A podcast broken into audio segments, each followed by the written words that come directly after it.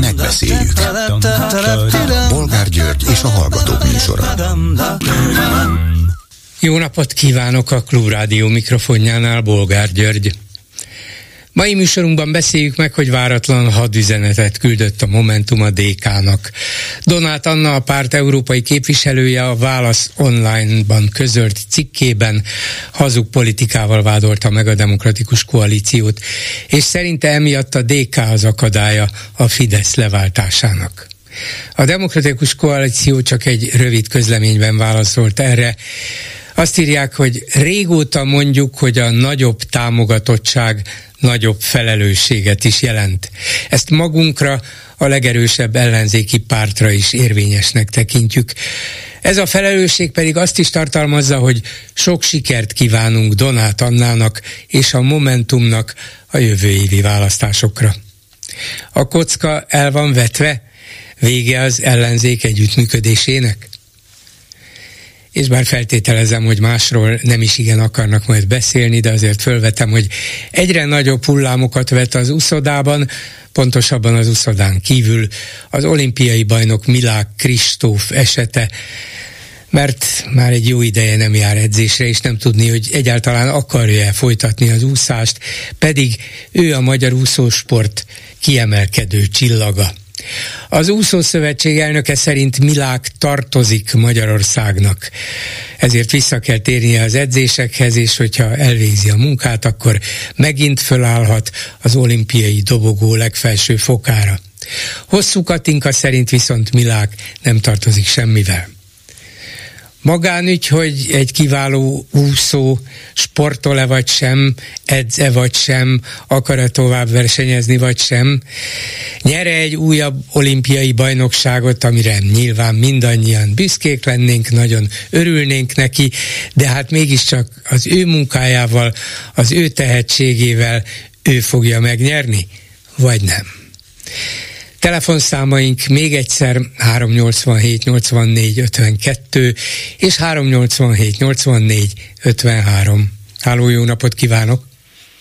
Üdvözlöm, bolgár úr, a nevem elérhetőségem a hölgyeknél.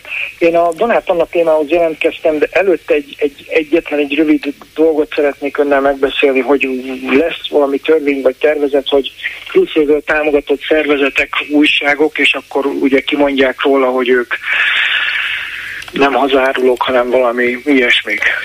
Igen, ez egy úgynevezett szuverenitás törvény Jó. vagy törvénycsomag a, lesz, még nincs. Még nincs. Jól értelmeztem -e, akkor most a, a Soros Györgynek vagy a fiának kell szólni, hogy minden nap ahogy megvan ez a törvény, egy dollárt utaljon a cöfnek minden nap. Ez 365 dollár, és olyan gyorsan nem tudják eltiltani, mert nem tudnak uh-huh. menekülni a dologtól, meg minden ilyen fideszes szervezetek kell uh-huh. egy dollárt utalni külföldről. Uh-huh. És akkor ők is azok, és akkor ennyi volt a történet szerintem. Nézze, ha kiderül, hogy véletlenül így hatája alá kerül majd az új törvénynek, és netán be kellene zárni ezt a cöföt, nem biztos, hogy ilyen súlyosak lesznek a szankciók, akkor kitalálnak azonnal egy olyan törvénymódosítást, hogy például rájuk ne vonatkozzon, úgyhogy lehetünk hát, mi akármilyen Gulyás, okosak, de náluk okosabbak nem. jó lenne az érvés, hát a cöf is kap, nem csak mi. Tehát és ez már, jó, én a Donát Annához jelentkeztem, és abból a szempontból én hogy gondolom, hogy utána a Donát Annával fog beszélni valószínű, hogy szerintem ő nekik az volt a céljuk, leültek, összedugták a kis okos fejüket, és azt mondták, hogy hogy tudnánk megszólítani azt a rengeteg kiábrándult embert, itt két tábor van, vagy a Fideszre szavaznak, vagy az ellenzékre szavaznak. Aki nem szavaz a Fideszre, az nem fog szavazni a Gyurcsányra mármint az ilyen kiábrándult, most hiába vannak a Jakab Péterék, meg a Bona Gáborék, elvisznek biztos valamennyi szavazót, de hogy szerintem őket, most őket ezzel célozta meg a Momentum. Hát vagy azokat a pártokat, vagy pártok szavazóit, amelyek nem tartoznak ehhez a hagyományosnak nevezhető, vagy demokratikus ellenzékhez. Egyrészt ugyan demokratikus párt, de ilyen a kétfarkú kutyapárt, amelyik ki van ábrándulva lényegében az egész politikai elitből ezt érezteti is, és a szavazói is úgy gondolják, hogy nem tetszik nekünk egyik se, bármi demokraták vagyunk, nyugatosak vagyunk, Európa pártiak vagyunk, de nem a régi ellenzékkel. Ezek tehát a kutyapártosak, és van az abszolút szélső-szélső jobb oldal, a mi hazánk, amelyiknek még a Fidesz is túl nyugatos, vagy túl európai, mert ők eleve bár a legutóbbi fel, felmérés vagy közvéleménykutatás szerint még náluk is nagyobb arányban maradnának be az Unióban, mint a Fidesznél, de mindegy, ők az abszolút jobb szélen vannak. Tehát lehet, hogy a, a csalódottságot érzékelve a Momentum úgy gondolta, hogy talán érdemes rányomulni a DK-ra, lehet? Értem én ezt. Én meg a Gyurcsány Ferenc, hogyha én lennék a Gyurcsány Ferenc, akkor lehet, hogy azt mondanám, hogy akkor, na, akkor most mindenki mérettesse meg magát, és szerintem ez lesz a vége. És akik elárulták annak idején, akiknek megmondta, hogy akiknek ez nem tetszik, az keresse másik madámot, tehát uh, itt gondolok a szocialistákra, ők nem kerestek másik madamot, hanem bizalmat szavaztak neki, és utána mégis bukniuk kellett. Én a Gyurcsány Ferenc helyében valószínűleg felszámolnék Magyarországon mindent, mivel a Dobrev Klára valószínűleg listavezető lesz, és megnyer az uniós választás DK vonalon, én elköltöznék az ő helyükbe. Én nem hiszem el, hogy ez az ember, ez, ez tényleg ennyire mazoista, hogy, hogy neki ez teljesen jó, hogy a gyermekeit úgy hívják, hogy Gyurcsány, és bármikor nem tippeket akarok adni egy, van annyi elvetemült olyan ember, aki csak így a kommenteket, hogyha olvassa a bolgárül is, hogy te vagy a gyurcsánynak a gyereke. Uh-huh. És már neki is esik, hogy én nem tudom, én nem kockáztatnám a családomnak a jövőjét, azt mondanám, hogy jó, elég volt gyerekek, ez nem jött, megpróbáltuk háromszor, most megmérettetem magam, hogy bebizonyítsam a világnak, hogy egyedül mennyit érek, és utána kiszállnék a politikából, uh-huh. és azt mondanám, hogy gyerekek, oldjátok meg, van annyi vagyonom, van annyi értelmem, van annyi imádatom a családom iránt, hogy, hogy én elmegyek innen, és próbáljátok meg, hogy nélkülem hogy fogjátok ezt bírni? Én ezt nagyon jó tanácsnak tartanám a, a, a, uh-huh. a, a Nem, nem rossz, hát még elmenni se kell hozzá, ha azt mondaná, De hogy a vissza menni, el kell sőt, azt és a DK-t is abba kell hagyni, mert így is úgy is, ha bárhova megy, az lesz, hogy külföldről irányítja. Tehát értem, mit mondok bolgárul? Hogy ne Így kell szállni, és nem hiszem el, hogy ő, ő nincs erre rászorulva, nincs rászorulva a családja, és én nem hiszem el, hogy a gyerekeinek ez, ez jót tesz, hogy egy ilyen közegben, egy ilyen gyűlölködő Magyarországon vannak és ennek előbb-utóbb tragédia lesz a vége. Nézze, mondom, én, én azt feltételezem, nem tudom, csak feltételezem, hogy Gyurcsány be akarja bizonyítani, hogy bár elkövetett számos hibát ő is, de mégiscsak alapvetően és történelmileg és politikailag neki van igaza, és ráadásul elég jól is átlátja a politikát, meg elég kitartó és szorgalmas is. Vissza fogom tudni hozni a pártomat, akár a kormányba is, és ha talán nem egyedül is, de koalícióban el tudunk jutni a többségig, és ezért én mindent megteszek. Ő, mintha erre tette volna föl 2009 óta az életet. Értem, bolgár úr, de bebizonyosodott háromszor, hogy nem. Tehát most megméretném magam egyedül, és azt mondanám, hogy én ennyit raktam a közösbe, 19%-ot, 18-at, 17-et. És mi, és lesz, ha jövőre, azt, mi lesz, ha jövőre 22-t vagy 25-öt kap? Akkor mondja azt, hogy na most hagyom abba a csúcson, vagy hogy? Igen, bolgáról. Uh-huh. Tudni kell abba hagyni. Szóval jó, nem vagyok hasonló szituációban, tehát én könnyen osztom így az észt, na de neki, neki, ez, neki, neki nem ez a megélhetése. Tehát neki, neki ő emelt fővel azt mondhatja, hogy most elértem egy szép eredményt, és akkor itt van, most mutassátok meg, hogy ti mit tudtok. Igen. Mert jó, mondta azt a Gyurcsány Ferenc, lehet utánam csinálni. Hát meglátjuk, hogy egy, egyelőre nem az látszik, hogy nem vissza akarnak Annáékat, mert, mert ő, nekik, nekik most mindent meg kell lovagolni, de, de ezzel, hogy odaöntjük a piros festéket, meg ilyenek, ezekkel nem mennek semmire, meg, meg, meg tényleg már talán a fiatalokat se tudják megszólítani, úgy, mert már a fiatalok is kutyapártosok. És én ezért is szállnék ki a Gyurcsány helyébe a politikából, mert, mert tényleg mindig az van, hogy, hogy miattam nem, miattam. Hmm. A Gyurcsány Ferencet le lehetett köpni október, vagy október 23-án, meg ilyen nemzeti ünnepeken, a, a Demszkit meg lehetett dobálni. Az Orbán Viktornak a közelébe nem lehet menni. Tehát ilyenkor, mikor demokrácia fokmérő van, akkor ezeket is azért fel kellene vetni, hogy, hogy ezek az emberek azért nem féltek odállni a, a, a hogy mondjam, a nem saját választójel, és a többi, és. És, azért ezt, ezt azért tiszteletbe kéne tartani a Momentumnak is, meg az összes ilyen ö, feltvekvő pártnak, hogy, hogy ezek az emberek azért demokraták voltak. Mindig azt mondják, mert a Gyurcsánynak nem volt kétharmada, mert ezt is ezt nagyon okos emberek szokták mondani, akikkel ön is szokott beszélgetni, hogy hát várjunk, hát nem volt kétharmada, mert ő nem, ő biztos, hogy nem bontotta volna. Jó, ezt én sem mondhatom százszerzelékről, de nem hiszem, hogy lett volna akármilyen irányultsága arra, hogy lebontsa a demokráciát. Én, nekem nagyon beleégett az agyamba, amikor a császék megkapták azt a három évet, és hogy ő mit mondott akkor ott a bíróságon. Uh-huh. És itt a, a, itt, a, itt a Mészáros Lőrinc, aki a Mátra járműből kivett 11 milliárdot, és még nem tudom mennyit bele kellett pótolni, az áram hogy vette vissza, amikor annak idején eladták, hogy ott hány milliárd bukovári volt, az hány év lesz?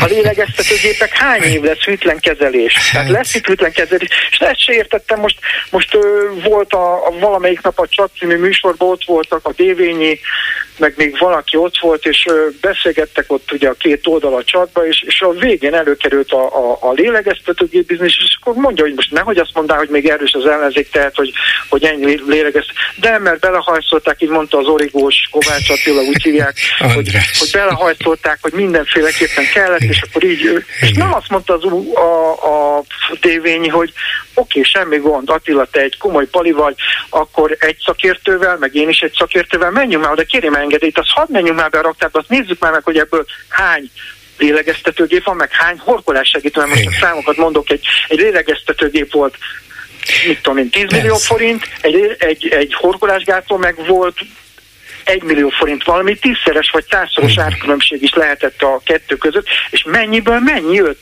mert az már megint egy másik történet, de, de nem azt mondta Dévényes, hogy menjünk már oda, akkor intéz már el, azt nézzük már meg, mert senki hát, nem mert, meg. Mert tudja, hogy nem intézte volna el az origós, okay, ha tudta volna, akkor se, de nem is tudja.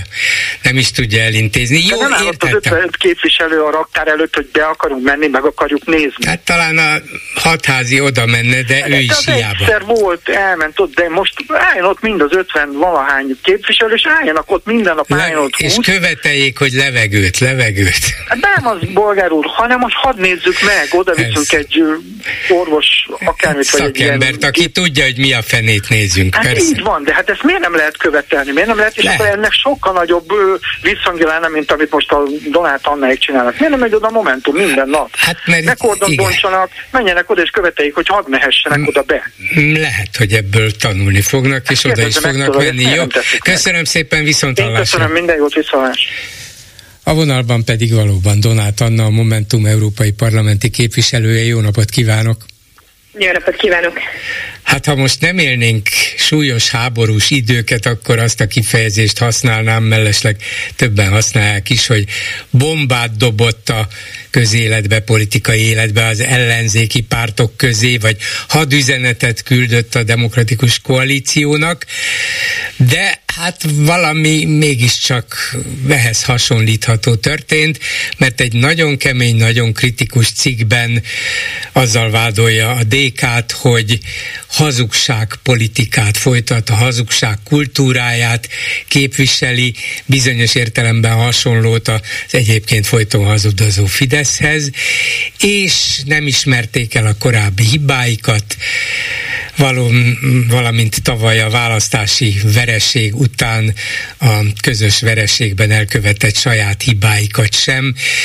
Biztos, hogy van ezekben a vádakban különböző fokú igazság, nyilván sokan egyet is értenek vele, sokan meg úgy, ahogy van nem, de nem is ez az igazi kérdés, bár biztos el fogja mondani nekem, hogy de igen, hanem az, hogy miért csinálta, miért most 2023 végén fedezte föl, hogy Gyurcsányék egy másfajta politikát folytatnak, mint az ellenzék többi pártja, és hogy ők az akadályai a Fidesz leváltásának, hiszen itt voltak korábban is, és önök még 2022-ben együtt működve egy szövetségben harcoltak a választási győzelemért. Szóval miért most?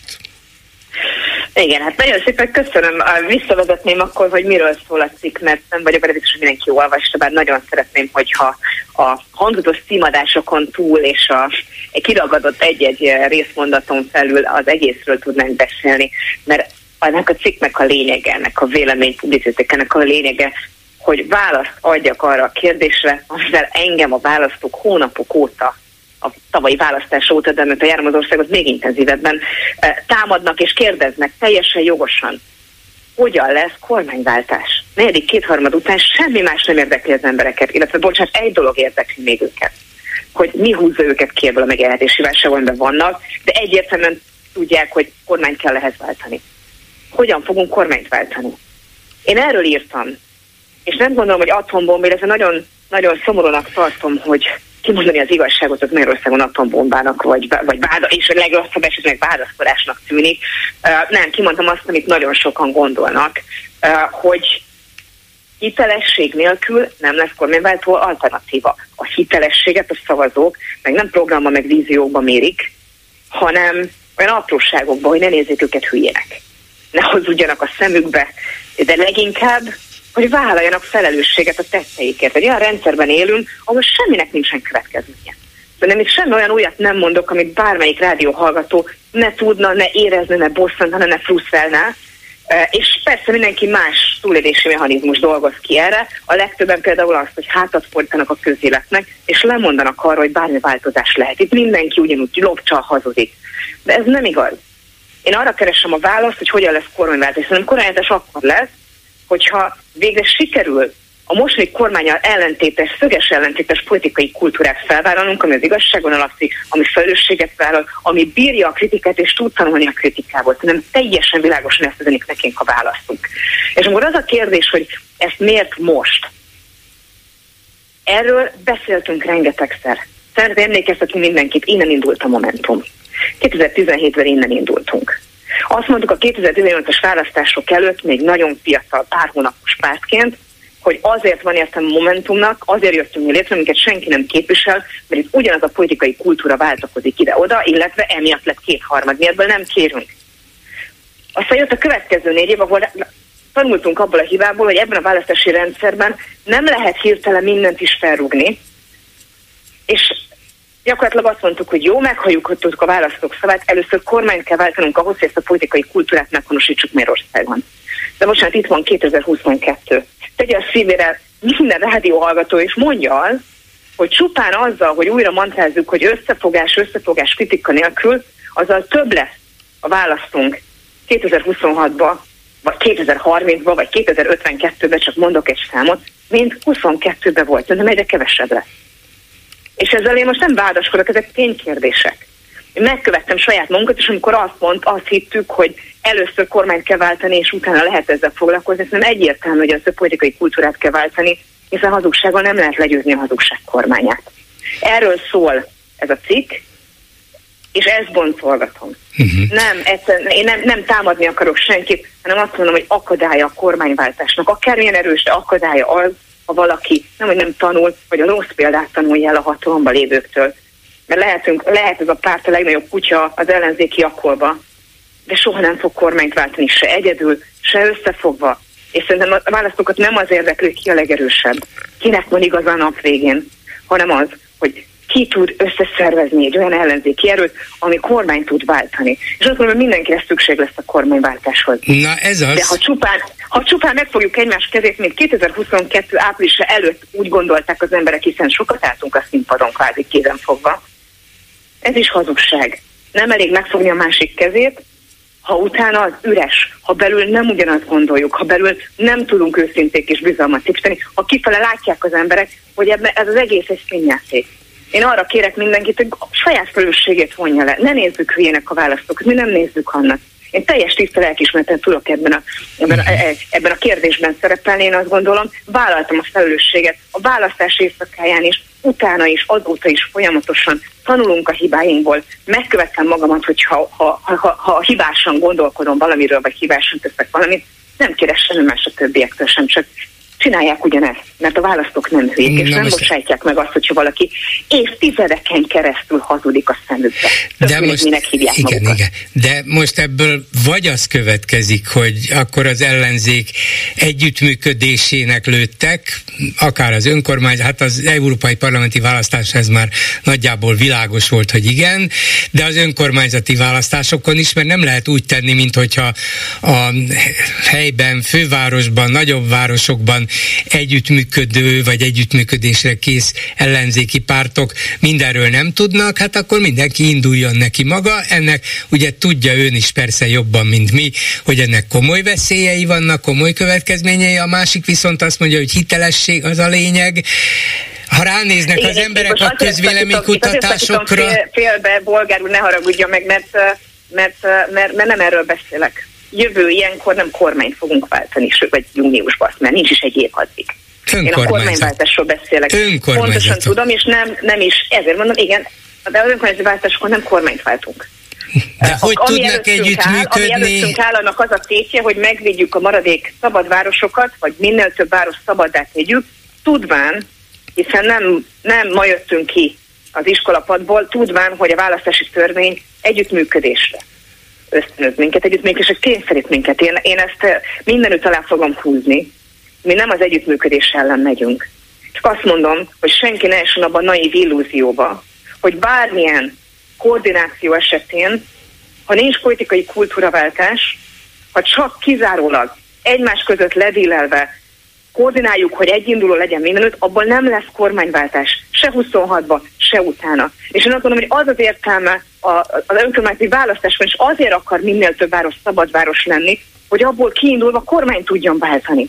De ha ezekben a helyeken nem úgy, tehát hogy ha ezek ezt az erőt nem tudjuk jól használni, nem tudunk egy tisztességes új politikai kultúrát felmutatni, akkor más nem történik, mint helyek osztogatása. És ez senkit nem érdekel az elemzőkön, meg a politikusokon, meg az aktivistákon kívül. Mert valójában az érdekel az embereket, hogy a rendszert hogyan fogjuk lebontani. Úgyhogy nem félreértés ne essék, nem vagyunk semmilyen együttműködés elében, nem rúgtunk fel semmilyen asztalt. Együtt fogunk működni, a Momentumon senki nem fog múlni az, hogy ne egy darab ellenzéki induló legyen a végén bármilyen pozícióba a fidesz szemben az önkormányzati választásokon. Igen, ám csak lesz hogy olyan, higgyék... Lesz olyan kérdés, amit morális alapon mi jobban fogunk beszélgetni, mint bárki más, mint hogy megtettük ezt az előző választás előtt is például Zuglóban. De arra ott van az előválasztás. A nap végén, amikor ennek már tétje lesz, a választóknál nem lesz dilemma, hogy merre kell menniük. Mi előre le fogjuk ezeket játszani, és hogyha a pártok nem tudják egymás között, és nem tudják, akkor bízunk, halljuk meg végre a választók szavát, hogy meghallották Végül az összes többi párt meghallotta, nem csak a Momentum, hanem a választás szavát is zuglóba, vagy hogy meg kellett hallanunk mindannyiunknak a 9. kerületbe Baranyi Kriszta által hallgassunk a választóinkra. Igen, ám csak hogy higgyék el a választók, hogy ez az együttműködés, amelyik ön szerint is gyakorlatilag szükséges és kötelező, őszinte lesz, hogyan fog tudni egy momentumos egy DK-snak, és fordítva egy DK-s egy momentumosnak őszintén kezet nyújtani. Azt mondja, a 22-es összefogás és készfogás nem volt őszinte, hát most akkor még kevésbé fog annak látszani. Nem, én azt gondolom, hogy az önkormányzati választás akármennyire szeretnénk bármelyikből hatalmas országos ügyet csinálni, és vannak szimbólum helyszínek, de alapvetően ne felejtsük el, a helyi választók számára az a helyi ügyekről szól. És megint csak ne gondoljuk azt, hogy budapesti tárgyalószövetnél jobban tudjuk, hogy milyen dinamika működik településeken. A helyben élők sok esetben sokkal jobban tudják. Az, hogy helyben, az önkormányzatokban, a képviselőtestületekben hogy tudnak együttműködni, az, az esetek többségében logó független, emberi minőség és a helyi elhivatottságtól függ. És az a továbbiakban is így lesz. Ne vigyünk oda országos politikát, ahova nem való. Oda vigyünk, ahol van. Mert vannak olyan helyek, amik viszont kifejezetten nem helyre fókuszál, hanem országos politikai szimbólumok vannak. Tehát ezeket szét kell tudnunk szállazni, de megint csak ez nem a választókat érdekli, minket érdekel. Igen. Én azt állítom, hogy igen, a politikusnak feladata akkor is megtalálni a kompromisszumon, ha fundamentálisan nem ért egyet a másikkal. Én ezt tanultam, ezt gyakorlom négy év az Európai Parlamentben. Amikor az Európai Néppártól kezdve a szélbalól olyan kompromisszumokat kell kötnöm Európai Parlamenti főtárgyalóként, ami alapvetően nem jönne az én frakciómból. De muszáj, mert a nap végén egy parlamenti álláspont lesz. Ettől még soha nem fogom azt mondani, hogy XYZ egy másik frakcióban, aki morálisan teljesen vállalhatatlan dolgokat tesz, az helyes. Attól még mi fogunk tudni közösen törvényeket hozni. Csak nem itt tart Magyarország. Én a kormányváltásról beszélek. Értem. A kormányváltásnak az akadálya az, hogy jelenleg van ez a sevelesen nélkül egy szituáció, és én nem arról beszélek, hogy a demokratikus koalíció ne lenne egy politikailag értelmezhető erő, nem arról beszélek, hogy félreértem itt a helyzeteket, hanem arról beszélek, hogy azáltal nem jutunk előrébb. Hogyha a törzs ellenzéki szavazókat átcsoportosítjuk, borzasztó büszke lehet magára az, aki azt gondolja, a legnagyobb kutya a legkisebbek között, az valamit jelent. Az embereket ez már nem érdekli, az embereket érdekli, hogy mivel lesz, hogy lesz kormánywáltás. Engem nem az motivál, hogy mi legyünk a legnagyobbak a legkisebbek között, hanem hogy megtaláljam azt a szövetségi rendszert, azt a politikai kultúrát, amivel az emberek bízni tudnak. Igen, és én azt de... gondolom, meghalván őket, hogy az igazságon és felelősségvállaláson alapszik. Ez, így, ez így elvileg teljesen igaz, de hát ha azt nézzük, hogy a hitelességet kihitelesíti, akkor ez a választó, és az összes közvéleménykutatás azt mutatja, hogy hát az ellenzéken belül mondjuk a DK kétszer annyira látszik hitelesnek, vagy kétszer annyi ember szemében hiteles, mint a Momentum. Tehát önnek és a pártjának azt kell bizonyítania majd a választók előtt, hogy mi vagyunk a hitelesebbek, és én értem, hogy egy ilyen széles széleskörű kritika a DK-nak erre hivatott, de mi van, Most hogyha nem lesz meg, sikeres? Nézzük meg a, a, a közménykutatásokat, mert szerintem egy sokkal fontosabb üzenet, amiről sokkal kevésbé beszélünk, amikor a ellenzéki oldalról próbáljuk értelmezni a valóságot. Mit mutatnak a számok a fidesz kapcsolatban? Mert én azt veszem észre, hogy attól még, hogy elképesztő megélhetés és inflációs válságban élünk, még akkor is, amikor csökken a Fidesz, az nem csak nem is az ellenzéki massza valahovájába. Dehogy is. Kivéve, ha mi hazánkat ide soroljuk, de hogy ez szerintem egyikünk sem erre gondol most. Nem. Nekünk ezzel van dolgunk, tehát hogy végre valahára lehet, hogy ezzel nem leszek néz, sőt, tudom, hogy ezzel nem leszek népszerű nagyon sok kör, körben. De nekem elege van abból, hogy nem mondhatjuk ki az igazságot, amire amúgy a választók vágynak. Ez a baj. Mondjuk ki az igazságot, ebből nem lesz kormányváltás, mert azok, akik kiábrándulnak a rendszerből, azok nem egyikünkhöz vagy a másikunkhoz mennek. És én hiszek abban, függetlenül attól, hogy mekkora momentum támogatottság, hogy azért se jönnek hozzánk, mert nem mondjuk ki az igazságot. Mert csendben tűrjük az, hogy egyszerűen ez legyen a magyar valóság, hogy az ellenzéki oldal szeletei mekkorák, éppen ki mennyire lapott jól két választás között. És ennek az igazságnak a kimondásától azt remélni, reméli, hogy majd több választó fogja a Momentumot támogatni, mondva, hogy na végre ők kimondták, és önök erősödnek, nem, a DK meggyengül? Nem, nem, nem, nem egy írás, és nem egy rádióbeszélgetés, vagy több fogja megváltani a világot, hanem a, a hitelesség az nem szavakon múlik, hanem tetteken. De, De ha... ne keverjük össze a kettőt. Az, hogy mit csinálunk a hétköznapokban, és az, hogy erről beszélünk is, és ki is mondjuk, de pont ez a kettőséget nem szeretném a továbbiakban, hogy a hétköznapokban, a valóságban tudunk erről beszélni, és aztán, amikor ki kell állni a média színpadára, ki kell állni a politika színpadára, akkor úgy teszünk, mintha nem abban a valóságban jönnénk, ahol az országot járjuk. De ezek után, De, hogy, hogy, hogy igen, ezek után hogy fog leülni ön mondjuk Gyurcsány Ferenccel egyeztetni a budapesti főpolgármester jelöltségről, a budapesti kerületek polgármesteri hát jelöltjeiről? Én sem, hogy nem veszek részt jó, hát akkor az ön által megbízatott, em, megbízott emberek, mondjuk Gelencsér Ferenc és a többiek, hiszen ők is a Momentum nevében tárgyalnak. Szóval hogy, hogy képzeli el a holnapot? Szerintem a rádió, rádiót hallgatók többsége olvasta azokat a Hát most nem mondom, négy négynek is voltak ilyen elemzései, az átlátszónak is, tehát amikor a választások után kijön egy csomó kulisszatitok, meg mondat, Szerintem ennél csak és kizárólag súlyosabb um, értékítéletben, morális értelemben sokkal mélyebb e, egymás ellen úszító vagy egymást megosztó mondatok hagyták el például az említett pártelnök száját bárkivel mással, de mondjuk leginkább az előző miniszterelnök Márkizai Péterrel kapcsolatban. Összedölt a világ, nem dölt össze a világ. Én azt gondolom, hogy nem azzal van a probléma, és, és utoljára, sőt, azt szeretném, hogyha leszállnánk erről a vonatról, hogy az a probléma, ha valaki kimeri mondani, amit mások is gondolnak, azért, hogy nehogy emiatt konfliktus legyen. Miközben pontosan az elodázott konfliktusok, a ki nem beszélés, a, a félmondatok, amit hazugságnak jön meg a választó, azok azok, hogy a nap végén azt mondja, hogy akkor nem megyek el, egyikötökre se szavazok le. Uh-huh. És ez senkit nem visz, ezzel se én, se a demokratikus koalíció nem lesz gazdagabb a nap végén, vagy okosabb, vagy ügyesebb, vagy szebb. Én annyit állítok, hogy annak a politikának van értelme, aminek a célja a kormányváltás. Az összes többi az, az eljosztogatás. Mi nem azért kezdtünk a momentumosok politizálni, hogy a NER ellenzéke legyünk. És egy, szeretnénk, és tudunk is tanulni a hibáink. Ha egy pillanatra a képzelet világába mm, csapok át, miért ne? Egy interjúban miért ne lehetne? Gyurcsány Ferenc elolvassa az ön cikkét, homlokára csap, és azt mondja, na jó, visszavonulok, és válaszanak új elnököt a DK-ban, akkor azt mondja, hogy na ez egy új alap arra, hogy együttműködjenek az ellenzéki pártok, mert lám ők is elindultak az igazság kimondásának útján? Bolgárul, ezt nem nekem kell eldöntenem, hanem választóknak. Ez, ez, De ez, remél valami mondom, hogy, hogy ez nem, nem az én személyes ízlésem vagy értékítéletemen múlik. Nekem meg kell hallanom, hogy a választók az nekem bizalmat szavaznak, mit szeretnének tőlem, hiszen először a képviseleti demokrácia.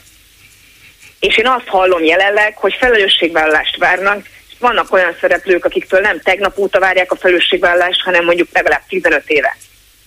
És ezzel most lehet engem utálni, mert én vagyok itt, a, aki kimondja, de hát elég sokan egyetértenek. Azok is, akik mondjuk most éppen a, demokrat, a demokratikus koalíció szavazói, azért azok is egyetértenek azért felelősséget vállalni, nem? Lehet, hogy tisztább lelkismerettel tudnák ők vezetni az ellenzéket, ha ki tudnák mondani, képzeljétek el, mi is tudunk hibázni, sőt, tanultunk belőle. De nem képesek rá, mert nem ez a politikai kultúra, amit képviselnek. Ha meg lehet ezt tanulni, el lehet fogadni, lehet változni, a politikában van evolúció, az emberek fejlődnek. De nekem nem az a, fog, nem az a dolgom, hogy az a foglalkozzak, hogy ők hogyan lesznek jobbak, hanem az, hogy hogyan lesz Magyarországnak jobb. És ezért mondom ki, remélem, hogy meghallják, remélem, hogy tanulnak belőle. Én a saját köz, politikai közösségemért tudok csak, csak felelősséget vállalni, hogy mi tanuljunk a saját hibáinkból. Mi mindig álljunk és velük a politikai felelősséget, akkor is, ha nem egyedül mi voltunk valaminek az okozói. De ha résztvevői vagyunk valaminek, ami kudarc, és a választók úgy élik meg, hogy nem azt kapták, amit ígérte nekik, azért felelősséget kell vállalnunk. Én ezért álltam ki a színpadra Márkizai Péter mellé. Haló? Halló? Ja, igen, igen, valamiért elment a hangja. Szóval ezért állt ki már Kizaj Péter mellé a vereség után, ugye az már nem hangzott el, és ezért állt ki most az írásában. Ezek erre vezető lépések, igen. igen, igen. És akkor értem, és össze is állt, annak ellenére, hogy két-három szó hiányzott itt a végéről. Köszönöm szépen Donát Annának, a Momentum Európai Parlamenti képviselőjének. Viszont hallásra! Köszönöm szépen, további szép estét kívánok! Háló, jó napot kívánok! Üdvözletem, bolgár úr, Rász Norbert vagyok. Igen, parancsoljon. Hát itt hallgattam ezt a beszélgetést, és egy pár ö, szó, pár mondat megfogta a fülem. Azért kényszerülünk arra, hogy összefogjunk. Hát ez egy kényszerűség, ez a Fidesz választási rendszeréből következik. De Sokféle párt a... erre kényszerül, mert különben esélye sincs a győzelemre. De bolgár úr, ezt kell hangoztatni, hogy azért kényszerülünk rá. Nem azt kellene ez esetben mondani, hogy szerencsésebb dolog, hogyha összefogunk ez már egy kicsit más a platform, mert nem mindenki fogja úgy fel a témának a súlyát, mint én vagy ön, vagy aki esetleg a klubrádiót hallgatja. Hát lehet, hogy nem mindenki, de mondjuk tegyük föl, hogy a DK szavazói azt mondják, hogy egy ilyen Donát Anna cikk után, hát lehet, hogy rákényszerülünk mégis majd arra, hogy a Momentummal is összefogjunk, mert különben a DK egyedül nem tud nyerni, se Budapesten, se nagyvárosokban. Tehát ez a kényszerűség az egyik embernek tényleg tényleg inkább az a másik azt mondja, hát miért ne fognék vele össze, ők is rendes, demokratikus eszmékben hívő politikusok, úgyhogy normálisan összefogunk, de igaza van, lehet kevésbé kényszerülés, a kényszerűséget. Úr, az, hogy mint kényszerülés, ezt nem lehetne hangoztatni. Ugye mi volt a legnagyobb probléma? Sajtóba üzengetett az ellenzék egymásnak. Ő nekik nem volt egy olyan összefogott valami kapcsolati rendszerük, mint a Fideszben evéget mondjuk tanulhatnának a mai napig, na mindegy, hagyjuk, a Fidesztől. Uh-huh. Hogy ott bármi történik, az a belső körökben reked. Igen. Nem folyik ki. Itt meg üzengettek egy, mi lett az üzengetés vége? Tessék, nézzük meg. A legnagyobb kétharmada van a Fidesznek. Igen. És akkor mondja a Donát Anna, hogy hát a, ez most nem nem olyan fontos ezek a választások, meg majd elmegyünk, és akkor majd csinál. Hát de ha most nem fontos ez a választás, ha most nem tart össze az ellenzék, akkor mit fog mondani? 2026-ban mire fognak várni a mézes madzagra? Azt már elhúzták előttük. Itt voltunk, én jó magam is, és itt volt több mint 20 ezer ember, aki segítette az ellenzék dolgát. Mégis egymásnak üzengettek. Sokszor már szégyen volt számunkra magyarázkodni, végettük. Igen. Hát megértem én ezt, csak lehet, hogy ők meg úgy gondolják, vagy a Momentumban úgy gondolják, hogy hát éppen ezért, mert ennyire különbözőek ezek a pártok és politikusok, ne tegyünk úgy, mint hogyha ez belülről fakadna, mint hogyha egy dolgot képviselnénk és akarnánk már, mint Orbán eltávolításán kívül egy közös dolgot, akkor képviseljük magunkat, a mi eszméinket, a mi elképzeléseinket, és ne hazudjunk senkinek. Aztán majd kössük meg a végén a kompromisszumokat, de mutassa meg mindenki saját magát, a DK pedig Így viselje van. És akkor felelősséget. Mit hallgatok, hogy Budapest meg van nyerve, meg minden. Azért egyad, az ellenzék se szálljon el attól, hogy Budapest meg van nyerve. Nagyon sokan Karácsony Gergely ellen, ugye a propaganda az ahogy én is hallom, meg minden, az elég, eléggé jól működik Karácsony Gergely ellen. Egy. Budapest csak egy dolog. Kettő. Az ellenzék a nyírségbe, Borsod megyébe miért nem jön ki? Hiszen itt a én régiómból, Nyírség, Borsod, Nógrád, innen van a legtöbb, van olyan falu, aki 95%-os Fidesz szabadóból állt. Miért Igen. nem jönnek ki oda kampányolni? Ne csak Budapesten ragadjonak meg. Hát persze, ez mind hozzátartozna a politikai munkához, és hát van, aki nyilván végzi, de valószínűleg nem elég erősek ahhoz, hogy látványos eredménye legyen ennek. Köszönöm szépen, viszont hallásra! A vonalban pedig Nagy Attila Tibor, politikai elemző, jó napot kívánok! Jó napot kívánok, Bolgár úr! Hát akkor nézzük egy elemző szemével, és halljuk az ő hangján, hogy mennyire váratlan lépés volt ez a cikk Donát Annától, és mik a várható következményei? A Momentum bajban van. Ez bizonyítja Donát Annának a cikke is, nem volt jól előkészítve, nem volt lépésről lépésre átgondolva.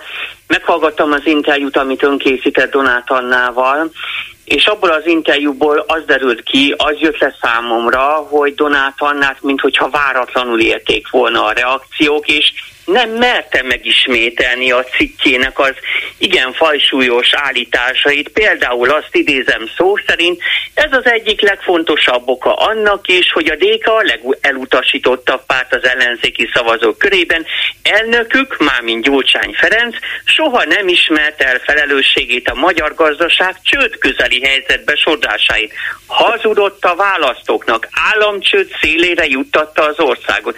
Ilyeneket ír Donát Anna többek között ebben a cikkben. Önnek ezt nem ismételte meg, illetve nem indokolta meg részletesen, hogy miért gondolja ezt Gyurcsány Ferencről, és ami újabb probléma, Hát akkor hogy lehet az, hogy ennek ellenére mégis össze akar fogni a DK-val? Mert ez is kiderült most, hogy ez nem azt jelenti ez a cikk, hogy a Momentum felmondja az ellenzéki pártokkal, főleg a DK-val való együttműködés, hanem azt jelenti, hogy ő egyfajta erkölcsi magaslaton próbálja majd osztani az észt. Tehát nincs jól átgondolva, mert ez így tele van ellentmondással, de az ellentmondás abból fakad, hogy tehát Donát Annának több mindenkinek meg kell felelnie. Meg kell felelni a pártagjainak, illetve a küldött gyűlésnek, ugyanis tudni kell a Momentum küldött gyűléséről, hogy az egy meglehetősen olyan massza, egy kiszámíthatatlan massza, amely képes volt pár évvel ezelőtt anna, hogy Donát Annát például be se szavazta elnökségi tagnak. Nem tudom, emlékszünk-e még erre, de, de aztán ugye meg kell felelni a párt politikusainak, akik viszont pozícióra vágynának, Márpedig, hogyha a Momentum egyedül indulna el, akkor állva halna meg a helyi választásokon, hiszen összefogás nélkül véhetően kevesebb pozícióhoz jutna a párt, tehát a párt politikusainak is meg kell felelni, és minden egyes momentumos politikus, aki Donát Annának is figyelemmel kell lennie arra, hogy a párton belüli irányzatok például egy radikális baloldali, vagy inkább jobbközép, vagy liberális irányzatok mit fognak szólni. Én elképzelhetőnek tartom azt, hogy a párton belül néhányan nyaggatták Donát Annát, hogy hát legyen ki, kedves, most már tényleg menjen neki gyújtsánynak, mert hát ez szörnyű. De hát ugye, és Donát Anna ennek meg is felelt, csak hát ugye itt van a dolog, hogy akkor, hogyha ilyet leírok a legnagyobb ellenzéki pártról, amit idéztem, hogy a DK elnöke hazudott a választóknak, államcsőd szélére jutatta az országon, akkor ebből világosan következik, hogy a Momentum nem foghat össze egy olyan párttal, amelyik a csőd közeli helyzetbe juttatta az országon. Ez képes, mit mond most Donát Anna, marad az összefogás. Hát, hát szóval igen, ez igen, nagyon fura. Igen, és ugye még azt is felhozta, hogy a 2022-es választás előtt ez az összefogás nem volt őszinte, azok a készfogások nem voltak őszinték, de ettől függetlenül hát jövőre is kezet kell fogni, mert másképp nem megy. Igaz, ez nem országos választás, csak önkormányzati, de hát itt is szükség van az együttműködésre. Nem lehet, hogy az egészet azért csinálta, azért írta ezt a tényleg nagy visszhangot kiváltó, már-már robbanó cikket, hogy sokan, akik nem annyira követik a politikát, de részben elégedetlenek a fidesz részben nem szeretik Gyurcsányt, és mélyebben nem, nem foglalkoznak az egészen, azt mondják, na végre valaki jól odamondott, és akkor ez olyan őszintének hangzik, ez egy kvázi igazságírás, vagy igazságbeszéd, hát akkor támogassuk a Momentumot. Nem lehet, hogy csak ennek a bizonyos értelemben kommunikációs hullámai azok, amik fontosak? És gondolja bolgárul, hogy egy ilyen véleménycikket, amely az elmúlt 15-20-25 év felelősségét taglalja, majd a politika iránt kevésbé érdeklődő választópolgár végig is fog olvasni. Nem, ebben erősen De csak egy-két nem, mondatot hall róla, mert itt-ott beszélnek róla, ide hívják a Donát Annát, oda, ott mondja el, belenéznek egy percre az interjújába, belehallgatnak, beleolvasnak valamit a Telexen, meg a HVG-n, csak egy-egy mondatot, egy-egy sort, és azt mondják, hogy hű, ő megmondta. Hát szerintem nekem meg az a véleményem, hogy ez az ellenzéki vélemény buborékoknak szól. A mhm. cél az, hogy a Momentum a demokratikus koalíció rovására érvényesüljön a közvélemény kutatásokon és majd az európai parlamenti választásokon is Ugye volt egy olyan ambíciója a Momentumnak, hogy legyőzi a demokratikus koalíciót, a Momentum lesz az ellenzék vezető ereje, hát ugye ettől azért messze van a Momentum, erre nem is tudott önnek mit reagálni Donát Anna, tehát a, ezért is állítom azt, hogy a Momentum mm, bajban van, tehát gondban van, sőt, van egy olyan közvéleménykutatás is, amely a parlamenti bejutási küszöbtől nem méri sokkal többre a momentumot, tehát a hiba határ esetén a momentum legszélsőségesebb esetben akár ki is kerülne a parlamentben. Én ebben mondjuk nem hiszek, de azért attól elég messze van a momentum, hogy a demokratikus koalíció fölébe kerekedjen. Én még felvetném azt a dolgot is, hogy miután a Momentum valójában nem egy egységes párt, tehát szerintem, benyomásom szerint a Momentum politikusai egymást utálják, vagy nem szeretik egymást túlzottan. Mire, miből gondolja ezt? Hát, Jó, ez, de ez minden közösségben előfordul, hát nem mindenki szereti Persze, egymást. a is ja, van ja. ilyen, de hát például a, abból következtetek erre, hogy Donald Anna nem vesz részt ezeken a kordonbontó akciókon. Nekem úgy tűnik, mintha a Momentum elnöke, elnöksége is Donald Anna kicsit külön úton járna. Donald Anna konferenciákat szervez, egy-két interjút ad. Ugye volt egy félre sikerült interjúja hónapokkal ezelőtt a Telexen meg az ATV egyenes beszédében. Tehát ő, ő próbál valamiféle külön úton járni, ehhez képest a Momentum elnökségének egy része erőlteti ezt a kordonbontást, ezt, ezeket a szimbolikus akciós dolgokat, és hát ne felejtsük el azt is, hogy a Momentum elnöke, elnökének az alkalmatlansága bebizonyosodott szerintem az elmúlt másfél évben. Ugye a legújabb az, hogy Szent Misének nevezte a zsinagóga beli összejövetel, de nem ez volt az első hibája, és tudok arról, hogy azért a Momentumban van erről van morgás uh-huh. az elnök nem túl a célos teljesítménye miatt. Tehát amikor úgy fogalmazom, hogy a Momentumnak még van egy olyan problémája, hogy a Momentumon belüli politikusok egymás ellen is vannak, illetve a párton belül különböző irányzatok vannak, és ráadásul a vezetési szín formálisan ugyan Gelencsérhez tartozik, de valójában van egy szakrális vezető még Donát Anna személyében, tehát de facto kettős vezetés, kettős vezetés van. Tehát a Momentum bajban van egyfelől azért, mert alacsony, viszonylag alacsony a támogatottsága, bajban van azért, mert a belső kohéziója a pártnak nincsen rendben, tehát a belső ellentétek gyengítik a párt akcióképességét, és nem vagyok benne biztos, bolgár úr, hogy Donáltan ezt a cikket megszavaztatta a Momentum elnökségével mert e, Donát Anna nem lehet pusztán egy magánember, tehát ez a cikk olyan súlyú kijelentéseket tesz, amiből bizony a demokratikus koalíció való eddigi szövetség felbontása következik. El tudja képzelni, hogy ez a bomba, amit a DK-nak szánt, a Momentumban robban föl? Hát, jóslásban nem mennék bele, de hogyha ha igaz az a lehetséges opció, amit most mondtam, hogy Donát Anna ezt a cikket nem szavaztatta meg a, Momentum elnökségével, mert saját úton jár, akkor bizony az ellentétek további éleződésére lehet számítani. Azért az se kerüli el a figyelmemet, hogy Fekete Győr András mintha mozgolódna. Nem tartom kizártnak, hogy Fekete Győr András szívesen visszatérne például a frakcióvezetői poszta.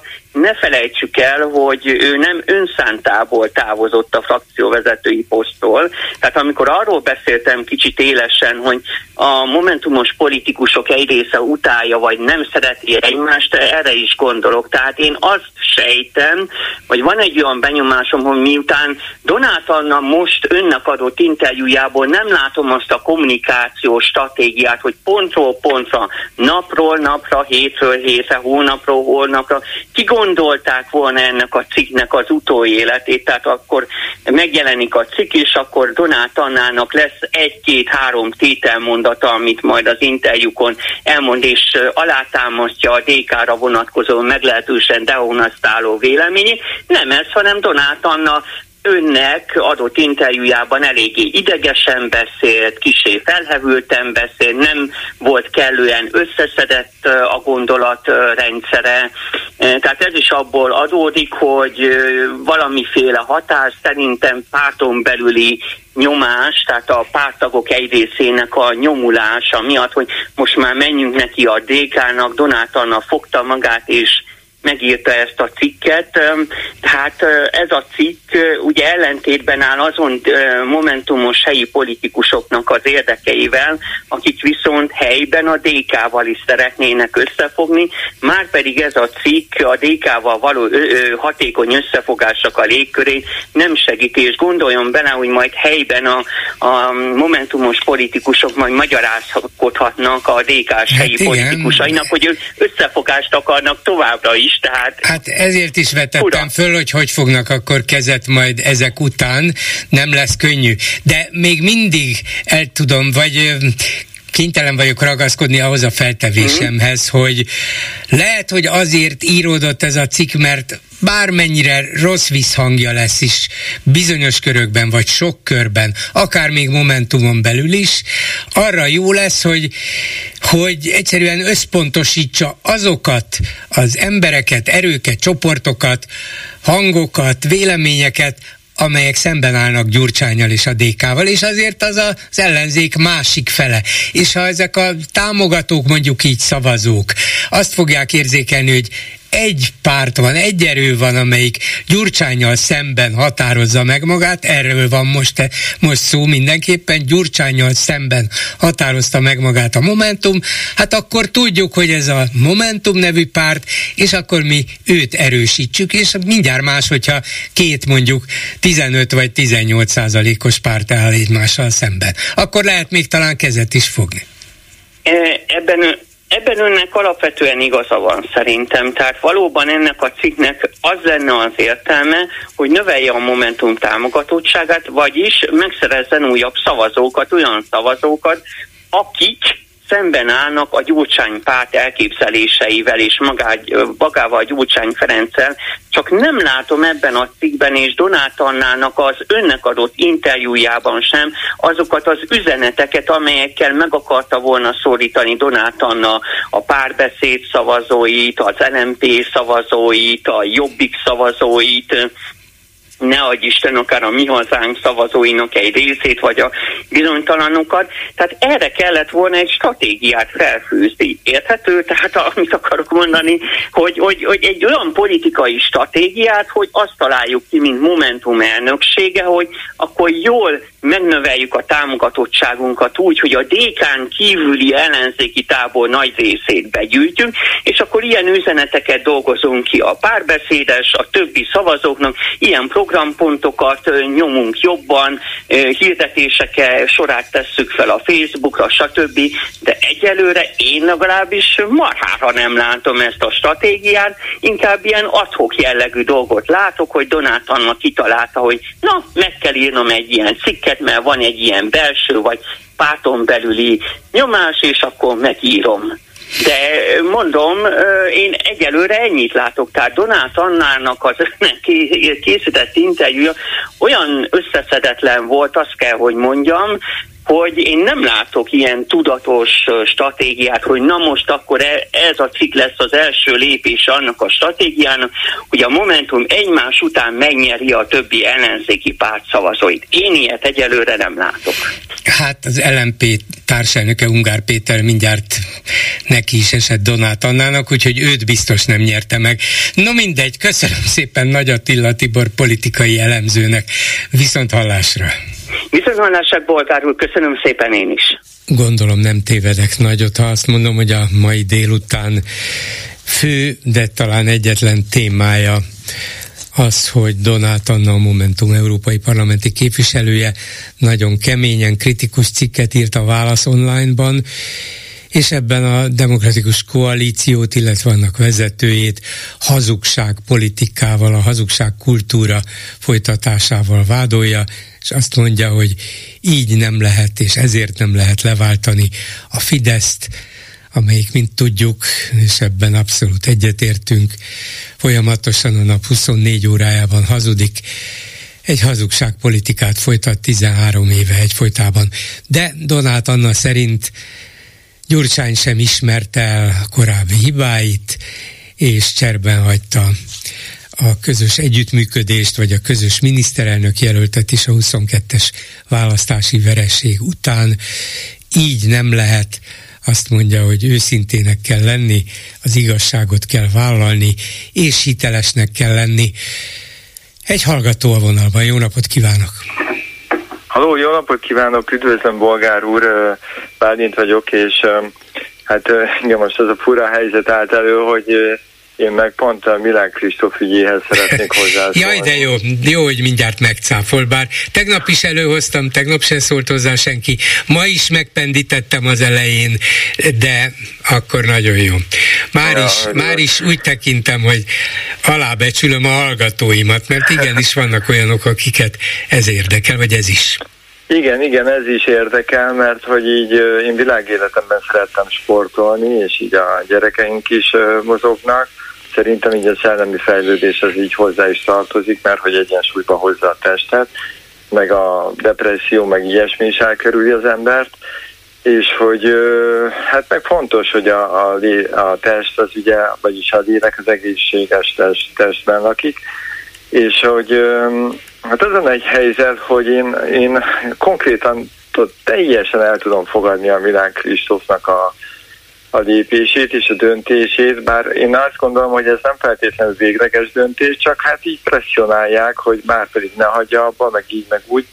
De hogy azért valljuk őszintén, hogy ő egy ugyanolyan ember, egy egyénisége is egy egyén, mint ön, vagy én, vagy bárki más a Földön. Tehát, hogy így teljesen abszurdnak tartom, hogy a jobb sportolók több dolgot tartok abszurdnak. Egyrészt az, hogy rabszolgaként működtetik ezeket az embereket, és azt gondolják, hogy rabszolgaként végre kéne hajtania egy átolt cetszi, egy olyan uh, bitang nehéz programot, ezek, ezek, ezeket úgy képzeljék el, hogy heti hatszor úszás, reggel, uh, reggeli, korán reggel, mondjuk mint fél héttől mondjuk nyolcig, és akkor még délután is, és hát naponta úsznak körülbelül, vagy egy edzésen úsznak ilyen 4-4,5 kilométer, tehát az 9, és mondjuk ez a 6-szor, akkor az 54 km per hét.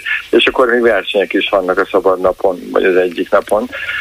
És, Me, meg hát talán nem szeretek... csak úsznak, még ugye feltételezem, hogy azért egyéb módon így is van, igyekeznek különböző... Igen, ez már jó ideje így van, és hogy meg mindenféle egyéb, mert a sportok jól kiegészítik egymást, és akkor még van a mentális felkészítés, meg a regeneráció, a jégben ülés, stb. Tehát, hogy annyira kemény az egész, hogy, hogy nagyon. Tehát, hogy ember legyen a talpán, aki ezt mondjuk 6 éves korától mondjuk 25-28-30 éves koráig tudja űzni, és hogy emlékezzenek vissza, és ez, ez lenne a lényeg, hogy annak idején Egérszegi Krisztina, én nem vagyok versenysportoló, mindig csak kezdfelelésből űztem, de nagyon szeretem, és egy fél évet ott úszott mellettünk a, a, a ott Kispesten a, ugye eszembe jut a Spartakuszban, és hát gyönyörű volt így megfigyelni, hogy hát egyszerűen nem hullámzott mellett a víz, de hogy emlékezzenek vissza, hogy, hogy az történt uh,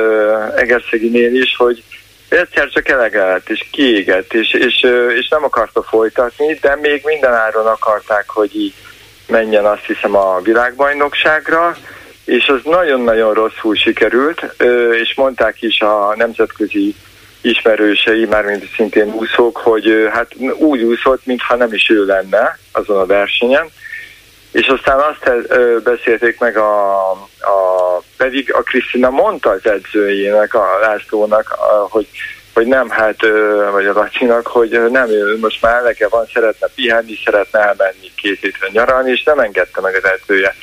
És, és aztán úgy is sikerült neki, ez a, ez a nem is tudom, talán az volt, nem tudom már hol volt ez a VB, és a lényeg az, hogy nem sikerült neki jól, és aztán utána leültek beszélni a verseny után, és megállapodtak abban, hogy jó, ezen túl úgy lesz minden, ahogy, vagy többnyire, ahogy tehát sokkal nagyobb teret enged a Laci az Egerség Krisztinának, mint előtte, és végül úgy lett meg a harmadik olimpia is, hogy emiatt gyakorlatilag hogy azon már eleve nem indult volna, a VB lett volna az utolsó verseny. És aztán szerencsére ott ment neki a hát, meg mindent, mert nem volt rajta ez a teher. És egyébként annyira ment neki aztán, ez két évre rá volt, ugye, hogy akár még a 100 méter háton is elindulhatott volna, vagy a 200 már nem emlékszem, mert, mert még azon a rövidebb távon is meg a, a, a, a bukófordulói nem voltak olyan gyorsak, mint a többiek, viszont az úszása fantasztikus, és még a, ennek ellenére a rövidebb távot is megnyerte volna, és az a lényeg, hogy ha ilyen teher van az emberen éveken keresztül, és folyamatosan elvárások, egy idő után besokal minden normális ember, és ugyan már engedtessék meg a Kristófnak az, hogy, hogy, hogy, hogy egyszerűen azt mondja, hogy nem, én most pihenek, más csinálok, kész. Nem is tudom, mi, mi, mi békjókat rak, ez, hogy a magyar nemzet, meg a magyar nemzet, tudja, miről jut eszembe a versenysportról? Ami a szocializmusba ment.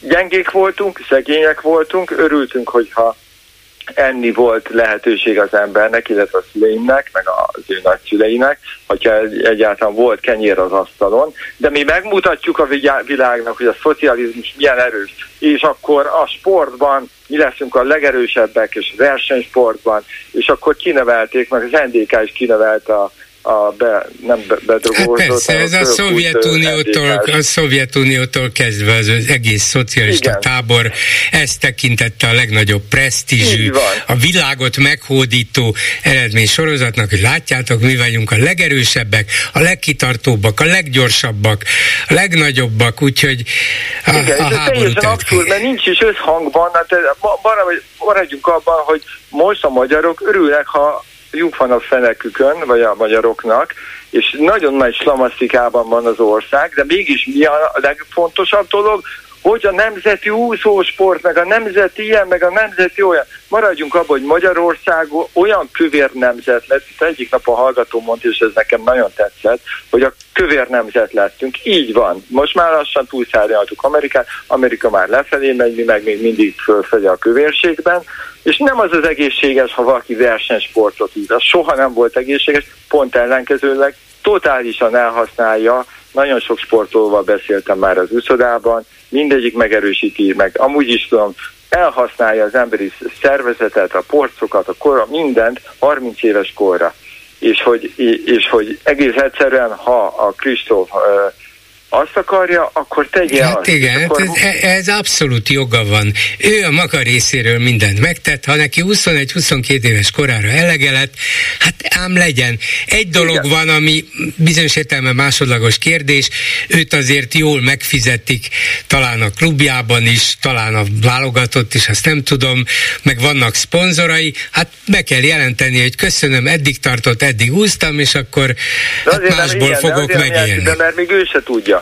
Ha leszállnának róla, és végre hagynának egy, egy kis szabadságot neki, akkor nem járna úgy se a nemzet, már utálom ezt a szót, megmondom őszintén, tehát se az ország, akik ebben foglalkoznak, se maga az úszó, hogy akkor utána adott esetben mégis kényszernek erejével folytatja, de összejön egy olyan DB vagy bármi, mint annak idején Egerszeginek, ha nem, ha hagyják, hogy végre egy picit megpihenjen, átgondolja, hogy mi a fontos neki, akarja ezt még folytatni, akkor saját indítatásból, saját motivációból újból képes lesz olyan szinten úszni, ahogy eddig is mondjuk pillangó meg bármi másban, vagy ha arra jut, hogy nem, ő ezt nem akarja, akkor nem. De ez az ő döntés, és ezt el kell fogadni. És félre kell tenni ezt a nagy nemzeti szocialista, elavult. És empatikusnak lenni, vele megbeszélve, alapvetően ráhagyva, nyilván lehet ebben a, vagy abban a dologban segíteni neki, vagy,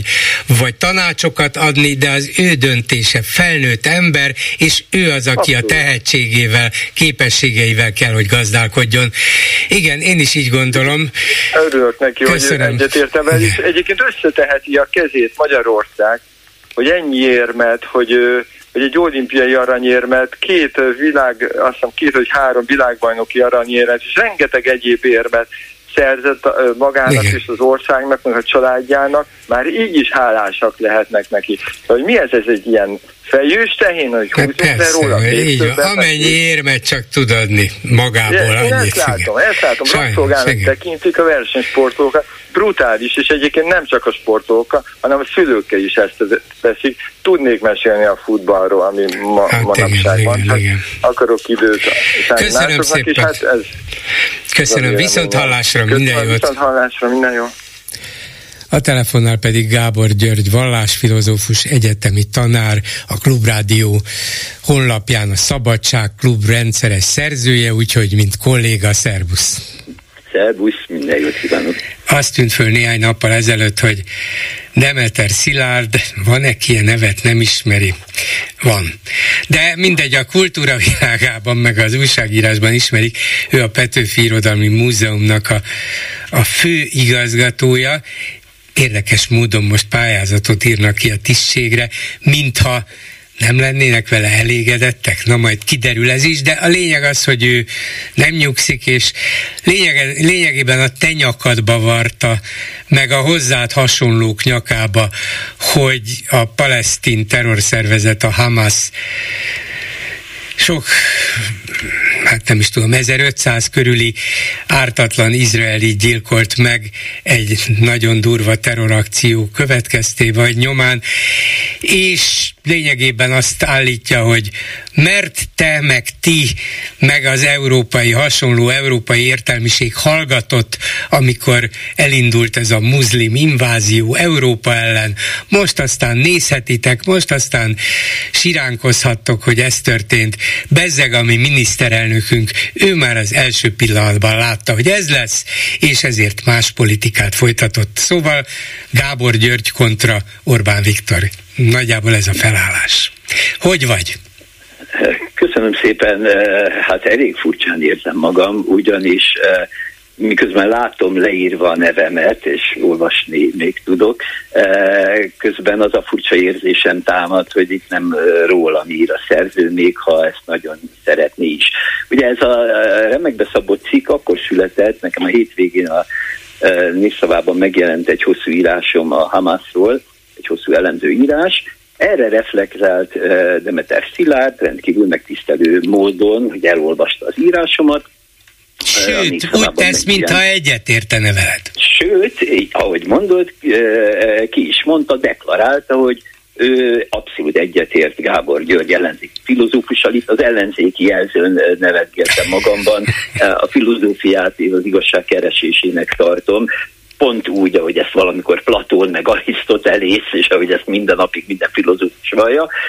Én nem tudom, hogy ez politikai oldalakhoz lenne kötve, de ez lényegtelen. Ám, de ugyanebben a cikkben, miután uh, kedvesen megdicsért engem, uh, Demeter Szilárd utána azt mondja, hogy egyébként, és az következik, amit te itt a felvezetőben elmondtál, a Gábor György és a Gábor György, tehát rögtön jön egy vita, egy általánosítás, ugye nekünk arra volt szükségünk, hogy megtörténjen az a, megtörténjen az a borzalom, megtörtént csecsemők lefejezése, terhes asszonyok felkoncolása, nem is sorolom tovább, mert csak e, ezután jöttünk rá mindenre. Én pedig írtam egy választ erre, aminek az utó élete külön érdekes, amiben megírtam, hogy az a helyzet, hogy Demeter Szilárd úgy állít valamit, ebben az esetben rólam, hogy nem ismeri a múltat, nem ismeri az én munkásságomat, nem ismeri az ezzel kapcsolatos tevékenységemet. Tudnilik én legalább 20 valahány éve, de 2001. szeptember 11-től folyamatosan, ugye akkor ugye nehéz, meg kínos ezt most így magamról ezeket elmondani, tehát 2001. szeptember 11-ét követően egy-két nappal utána, és ennek utána lehet nézni a ha van még népszabadság archívum, ha népszabadsággal együtt azt nem, azt is életben hagyták és nem verték szét, ott nekem a Tamás Gáspár Miklóssal volt egy nagyon komoly vitám, ahol én már egyértelműen azt az álláspontot képviseltem, és ezt az elkövetkezendő 20 valahány évben így tettem, ahol igyekeztem felhívni arra a veszélyre a figyelmet, amely, eh, amely eh, veszély eh, láthatóan kevésbé izgatta a világot, meg Magyarországot, és ezt tettem olyan körülmények között, hogy azok a szerzők, és itt főként a jelenlegi kormánypárti szerzőkre gondolok, meg kormány tényezőkre, hanélkül, hogy most neveket említeni, akik folyamatosan akkor vitában álltak velem, és azt kell mondani, hogy velünk, én akkor Buda Péter szerzőtársammal írtam főként ezeket a dolgozatokat, cikkeket, sőt lett egy közös könyvünk is, ebben is utána lehet nézni. Hát pontosan azok álltak velünk vitába elsősorban, akik az időtájt teljes melszélességgel a palesztin érdekeket képviselték, és akik ugyancsak ezzel párhuzamosan a legdőttebb antiszemita és izrael ellenes publikációkat tették közé. Most ezek a szerzők egyébként remegve aggódnak Izraelért, ami egyébként nagyon helyes és nagyon hát fontos igen, dolog. Persze, az ember azt gondolná, hogy hát jó, jó, tudjuk, hogy miért, vagy sejtjük legalábbis, hogy miért, de nem baj, hát legalább végre egyszer a jó oldalon. Így van, így van, csak hát még egyszer mondom, a következtetése, vagy a megállapítása, hát fogalmazunk most finoman, nem volt helyes, tévedett a szerző, és én ebben a válaszomban azon túl, hogy több írásomnak a címét és megjelenési évszámát megadtam, kértem, hogy nézzem utána nyugodtan, annak is hangot ad, tehát egyrészt annak, hogy a általánosítás az, az egy hibás érvelés, másrészt pedig annak, hogy ha ezentúl bárkiről ír bírálatot vagy kritikát bárkinek a munkásságáról, joga van hozzá, megteheti és tegye is meg, de előtte érdemes könyvtárazni, utána nézni, hogy mit is írt ez a bizonyos illető. Na most a történetnek a folytatása az pedig az volt, hogy én elküldtem ezt. Ugye hát a civilizált világban a, a demokráciára még valamit is adó civilizált világban van egy alaptörvény, ez tényleg egyébként alaptörvény, a demokráciák egy alaptörvény, a vélemény és sajtószabadság alaptörvényére gondolok, amelyben benne foglaltatik az, hogyha valakit bírálat, kritika, támadás ér valahol egy sajtóorgánumban, valamilyen módon véleményezik az ő tevékenységét, az illetőnek joga van válaszban reflektálni erre. És én ezt elküldtem a Mandiner nevű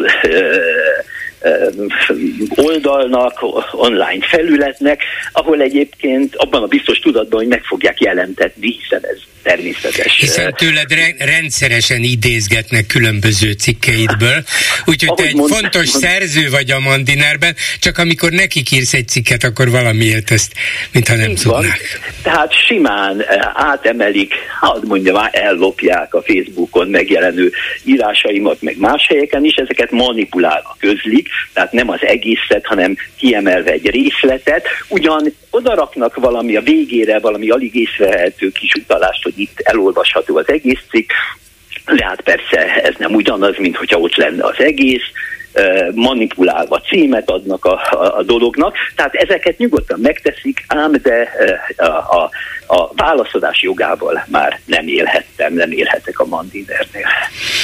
Azért a dolog érdemi részéhez is, mert Demeter Szilárd, hát jó, ennyit ért mondjuk. Csak hogy tudjuk, hogy hogy, hogy érvelnek és hogy vádaskodnak, de a népszavában arról írtál, hogy ez az izraeli-palesztin, hát nevezzük most egyszerűen konfliktusnak, bár bizonyos értelemben ennél szörnyűbb.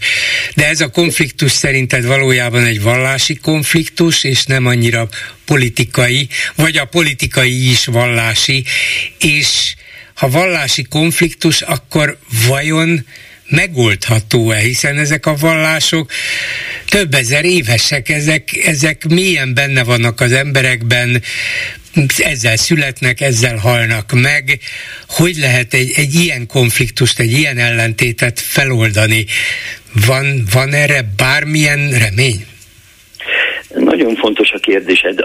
Nekem meggyőződésem, nagyon szilárd meggyőződésem, hogy ennek a konfliktusnak a mélyén alapvetően vallási, vallási kötőjel civilizatorikus konfliktus áll. Ez az alapja is, hogyha ezt nem értjük meg, nem értjük meg azért, mert nyugatiak, vagy a zsidó-keresztény tradícióhoz tartozóként úgy gondoljuk, hogy a vallás az a modern vagy a posztmodern világban már csak egy ilyen uh, uh, ott felejtett maradék, uh, aminek már igazából semmi jelentősége nincs, úgyis ül, kiürülnek a templomok, és ez így lesz a továbbiakban is, akkor teljesen félreértjük az egészet, uh, nem ürülnek ki a templomok, a templomok vagy a hívők világa átstruktúrálódik, vannak templomok, amelyek kiürülnek, aztán más egyházi közösségek költségek pedig inkább növekednek, tehát van egy folyamatos átstruktúrálódás a világban, ennek az oka egyébként messzire vezet.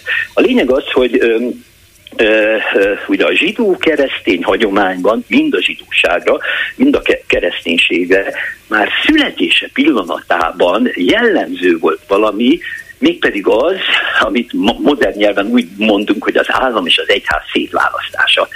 Hiszen már a zsidók a Bibliában mindez olvasható, amikor elhurcolták a zsidókat Babilonba, deportálták őket, akkor Jeremiás profita írt nekik egy levelet oda Babilonban, azt írta, hogy hogy menjetek férjhez, nősüljetek meg, vásároljatok földeket, de tartsátok be az atyáitok törvényeit, de az állam törvénye mindent felülír. És ugyanezt mondja Jézus is, ugye, hogy ad meg a, a császárnak, ami a császár, és az Istennek, ami az Isteni. Na most ez a, a, ez a vagy, vagyis az állam és az egyház szétválasztása nem egyszerűen a francia felvilágosodáshoz köthető. Nem, nem természetesen ez benne volt a hagyományban. Igen. Ugyanakkor ezt nem ismeri az iszlám, és ezzel én nem minősítek természetesen, hanem megpróbálom leírni a valóságot. Az iszlámban alapvetően szimbiózisban létezik vallás, hit, politika, művészet, jog, jogi gondolkodás, és így tovább, és így tovább. Tehát ott mindent alapvetően a vallási jog határoz meg. A vallási jog írja fölül az ember által alkotott jogot, hiszen a saját önfelfogásuk szerint az Isten alkotása a vallási joga, sária. Na most e, ezek messzire vezetnek, de azt még mindenképpen el kell mondani, még mielőtt bárki félreérteni azt, amit mondok, hogy én nem arról beszélek, hogy az iszlám ab óvó fundamentalista. Minden vallás mélyén potenciálisan van egy lehetőség a fundamentalizmusra, attól függ, hogy milyenek a történelmi, politikai, szociológiai, egyéb körülmények. Ezek akár a történelm során valamikor előbukkanhatnak. Én arról beszélek, hogy azokban a vallásokban, és én a zsidóság, én a kereszténység, és ilyen az iszlám is, amelyek önmagukat Isten kinyilatkoztatott szavára vezetik vissza, mondjuk a Bibliára, vagy mondjuk a Koránra, ezeket a szövegeket az embernek értelmeznie kell. És az értelmezések értelemszerűen, és ez a gyakorlat eltérnek egymástól. Ezért lesznek különféle irányzatok, mind a zsidóságon belül, mind a kereszténységen belül, és mind az iszlámon belül. És az az érdekes, és ez a ö, súlyosan figyelmeztető ö, tény, hogy manapság, amikor amikor, tehát egy nemzetközi paradigmaváltás tanúi lehetünk, amely a politikai hatalom legitimációs válságát a vallási legitimációban akarja föloldani. Tehát van egy súlyos ö, ö, válsághelyzet a nyugati világban is egyébként. Milyen érdekes, hogy körülbelül a, két, ugye a 2000 éves, 2000 évek elején, ha jól emlékszem, az Egyesült Államok Nemzeti Hírszerzési Tanácsának is volt egy jelentése, amely éppen arra hívta fel a figyelmet, hogy az elkövetkezendő másfél, két, két és fél évtizedben az, egy, az egyik legfontosabb világjelenség, amire nagyon komolyan oda kell figyelni, a vallási hátterű politikai mozgalmaknak az előretörése lesz. Na most ez a legitimációs válság, ami nyugaton is jellemző egyébként, ez az, ami megjelenik, nem véletlenül teszi ezt, az iszlámon belül ez a tény, azt az irányzatot, azt az értelmezést a legmarkánsabbá, amely értelmezés, fundamentalista értelmezés, és amely értelmezés szerint az igaz hitűeknek, ezek a muszlimok, az egész világot egy szent háború során, a dzsihád eh, során és a sária törvényének megfelelően iszlamizálni kell, akár bármilyen eszközzel. Tehát még egyszer mondom, ez nem maga a iszlám, de az iszlámon belül ez egy nagyon markáns, és a politikai okok miatt rendkívül felerősödött meghatározó álláspont. Hát igen, és ennek még nem látjuk a a következményeit, illetve sok következményét látjuk, de hogy mi lesz ennek a vége, azt lehet, hogy szerencsére nem. Ezt hogy jeletetjük, hogy sokan kérdezik tőlem, hogy hát mit gondolok, hova vezet ez. Itt megint azt kell mondanom, hogy ez megint ránk jellemző nyugati civilizációban élőkre, hogy valahogy a 17. századi csodálatos racionalizmus és a 18. századi csodálatos felvilágosodás után úgy gondoljuk, hogy mindenre képesek vagyunk racionális választ adni. Sajnos nem vagyunk mindenre képesek, erre bizonyíték a, a világtörténelem, és pláne nem lehetséges olyan dolgokban megtalálni a racionális választ, mint a hit tehát hit kérdései, tehát a vallási kérdések, és ez most meg, megint nem minősítés, csak annak a jelzése, hogy a vallásnak a lényege éppen az, hogy túl van hiten, túl innen, vagy túl hiten, ez nézőpont kérdése, tehát racionálisan itt nem lehet kompromisszumokat kötni, nem lehet kompromisszumos vagy racionális észérvekre támaszkodva megállapodásokhoz eljutni. Köszönöm szépen Gábor György vallásfilozófus egyetemi tanárnak, szervusz Gyuri! Én is köszönöm, mind szervusz, további jó műsor. Háló, jó napot kívánok! Halló, halló! Halló, jó napot kívánok, hall engem? Igen, hallom, bár úton van, azt is hallom. Csak ön nem. Ön, jó napot kívánok. Ön hall engem? Igen, igen. Jó, akkor... Üdvözlöm, Hódi Péter vagyok. Figyelem Halló. tovább, csak úgy látszik egy kis eltolódás ah, van a hangban. Mire odaér önhöz, vagy vissza a hang. Értem. A, én mind, két, két, mind a két témához szeretnék hozzászólni. A, a, kezdeném a, a olimpiai úszónkkal, a Kristóffal, hogy ez olyan érdekes mindig számomra, amikor azt mondjuk, hogy most elképesztően büszkék lehetünk, mert, mert magyar olimpiai bajnokunk van, vagy magyar Nobel-díjasunk van, és hogy, hogy milyen büszkék lehetünk rájuk. Nekem ez azért furcsa, mert, mert én, én arra szoktam büszke lenni, amihez, amihez van ami közöm. És, és hogy nagyon-nagyon tisztelem őket, mert elképesztő teljesítmény áll olimpiai arany mögött is, és egy Nobel-díj mögött is. A elképesztő munka, akaraterő és kitartás, de, hogy, de, de azt nem értem, hogy miért kéne nekem rá büszkének lennem. Azért, mert egy országban születtünk. Tökre örülök neki, hogyha, hogyha nyer egy magyar egy olimpián, hogyha egy magyar Nobel-díjat kap. Nagyon klassz. De sokkal büszkébb lenni egyébként, hogyha esetleg arra koncentrálnánk, hogy, hogy egy olyan országban éljünk, ahol, ahol, ahol sportoló embereket nevelünk, illetve gondolkodó embereket nevelünk. Ebben, ebben igaza van, de igen, igen. Hát Orbán Viktor itt megtette a magáét, ő sportoló embereket kíván nevelni. A Nobel-díjasoknál úgy tesz, mintha, ó, hát látjátok, ebből a különleges országból ilyen elmék emelkedtek ki, de közben az oktatást tönkre teszi.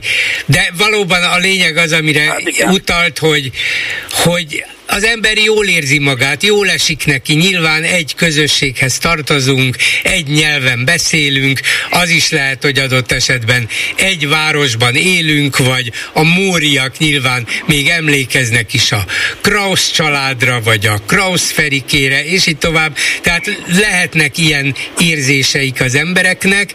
Ezt büszkeségnek talán nem jó nevezni, vagy nem helyes nevezni. Ez egy, ez egy öröm. Az ember a, a, Igen. az ő közösségének a sikereire, sikereinek örül. Büszke arra legyen, amit ő maga csinál. Igen, igen. Na és a másik az ellenzék és a Donát Anna. Uh, alapvetően a, a múltkor már sikerült egyszer betelefonálnom önhöz, de akkor sajnos csak ilyen két percen volt hat óra előtt, és uh, akkor kifejtettem én is, hogy abban tökéletesen a Donát Annával, hogy, hogy itt összefogásra van szükség. Azt végtelen módon nem értem, hogy hogy lesz összefogás ebből a cikkből.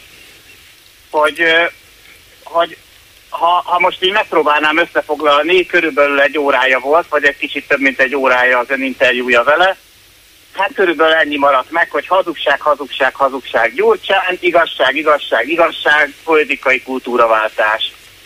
Kis túlzással holnapra már a hölgy, nevé, holnap már a hölgy nevére sem fogok emlékezni. Uh, ami most jelen esetben jó, mert szerintem, szerintem ez rombolja mindenféle összefogás és mindenféle ellenzéki törekvésnek a, a, a sikerét hogy uh, én nem értem, hogy, hogy, hogy, hogy nem látják ezek az emberek, hogy, uh, hogy most, most nem arra van szükség, hogy, hogy azt kitaláljuk, hogy, hogy, uh, hogy ki, melyik párt pontosan mit szeretne, és hogy akkor a, itt külön képviseltessük magunkat, hogy, hogy én, én így szeretném, én meg egy picit máshogy, de nagyjából ugyanaz, és akkor ez két külön párt, hanem ahogy ő ki is mondta, a, az egyetlen célnak annak kéne lennie, hogy, hogy leváltjuk a jelenlegi hatalmat. És hogy ez, ez pedig csak is az összefogással működhet. Hát igen. Még két, két ez, érdekes dolgot mondok. Ja, Tessék. Igen, ez a, ebben van kétségtelen egy önellentmondás, mert Donát Anna abból indul ki, hogy azért nem lehetett és nem lehet a jelenlegi körülmények között leváltani a Fidesz rendszert, mert itt van ez a legnagyobb ellenzéki erő, amelyik hiteltelen, amelyik hazugságra építi, vagy hazugságokra a politikáját. De így, hogy neki támad a legnagyobb ellenzéki erőnek, hát nehezebbnek látszik a leváltás. Mert ez, ez az esély még távolabbra kerül. Én teljesen megértem, hogyha valaki nem, nem kedveli Gyurcsány Ferencet, valóban egy ö, megosztó személyiség, de, de hogy egy ellenzéki politikusnak a jelen helyzetben a, nem ezt kéne tennie szerintem. Menjen oda, gondolom, hogy ő, ő neki megvan a csatornája ahhoz, akár leülhet szemben a Gyurcsány Ferenccel, és elmondhatja neki, hogy Feri szerintem neked le kéne mondanod. Vagy szerintem neked bocsánatot kéne kérned emiatt és amiatt. És mondja el neki, beszéljék meg, de hogy azzal, hogy közé teszi az egészet, rombol. Igazából, és szerintem ez a bomba hasonlat, ez egy, ez egy nagyon jó hasonlat, mert, mert robban, és, és, és, és, a, és igazából a franc se tudja, hogy, hogy mit rombol le. Igen, nem tudja, és valószínűleg nem is, könnyű, nem is könnyű fölmérni. Még az is lehet, hogy sokan azt fogják mondani, hogy végre a Momentumnak volt bátorsága ezt kimondani, hát akkor támogassuk őt. Ettől nem fog a DK összecsuklani, de lehet, hogy a Momentumnak a támogatói köre megnő. Nem tudjuk, fogalmam sincs, szerintem ők se tudják, de hát igen, talán ebben bíznak csak nem szabadna, hogy ez legyen a cél. Tehát az ellenzéki támogatottságnak kellene növekednie, és nem a, a Momentum, a DK, a LMP, meg a kutyapárt, meg stb. támogatottságának, hanem együtt az ellenzékinek kellene növekednie, és nem pedig itt ide-oda tologatni a, a, az embereket. És ami még, ami még nekem így, így nagyon, nagyon érdekes volt az interjúban, hogy többször elhangzott a Donát Anna szájából, hogy hogy két dolog. Az egyik, hogy nem szabad a választókat hülyének nézni, a, a másik pedig, hogy tanulunk a saját hibáinkból. Az tök jó szerintem, hogyha valaki tanul a saját hibáiból, de esetleg egyébként az ellenségtől is lehet tanulni. És, és a, pontosan meg lehet tanulni a mostani Fidesztől, hogy, hogy a választók igenis hülyék. Ö, a, elnézést kérek, bolgár úr, ön is választó, önt nem tartom hülyének, én is az vagyok, magamat sem tartom annak. Ezt egy nagy uh, átlagban gondolom, ahogy egyébként Donát Anna is mondta. Uh, és nem szeretem ezt a szót, hogy hülye, mert ennek egy ilyen nagyon uh, csúnya pejoratív értelme van. A, még a buta sem az igazi, de én inkább azt mondanám, hogy egyszerű emberekről beszélünk. És hogyha megnézzük a Fidesz kommunikációját, akkor ezt igazán meg lehetne tanulni tehát ha most azt mondjuk, hogy a Gyurcsánynak, vagy a nem tudom kicsodának politikai kultúraváltást kellene csinálnia, hát ezt nem is értem, hogy miről beszél. Már én se értem, pedig, pedig a viszonylag értelmes embernek tartom magamat. De hogy akkor hogy fogja, hogy fogja más megérteni? Hát Itt lehet, hogy csak annyit ért a, belőle. A egyszerű üzenetek. Igen, lehet, hogy csak annyit ért belőle, hogy a Gyurcsányt én nem szerettem. A Gyurcsányjal nem szeretnék együttműködni, vagy a, a Gyurcsány nem, a Gyurcsányjal nem. Tulajdonképpen ennyi az üzenet. Hát értem, hát az nem érdekel engem, hogy, hogy, hogy ő nem szereti a Gyurcsányt. A, ezt, ezt mondom, ezt mondja el neki, vagy beszéljék meg, hogy ő mit gondol, hogy mit kellene csinálni a, a DK-nak vagy a vezetésének de hogy, hogy, hogy nem ezt kellene a nyilvánosság felé tolni, az szerintem biztos, hanem, hanem, hanem ott minél inkább azt kellene mutatni, hogy, hogy, hogy egységesek vagyunk, és ahogy egyébként ki is mondta, hogy a legfőbb célunk, hogy leváltsuk a mostani kormányt. Igen. És valóban ez legyen a legfőbb cél, és akkor hogy milyen nézeteltéréseik vannak, meg, meg kikit nem kedvel, meg, meg mivel nem ért egyet, azt, azt megbeszéljék meg egymás között, vagy rakják el majd azutánra, amikor, amikor leváltották a kormányt, és akkor akkor le tudják tisztázni ezt egymás között, vagy akár népszavazással, bármi egyébben, hogy, uh-huh.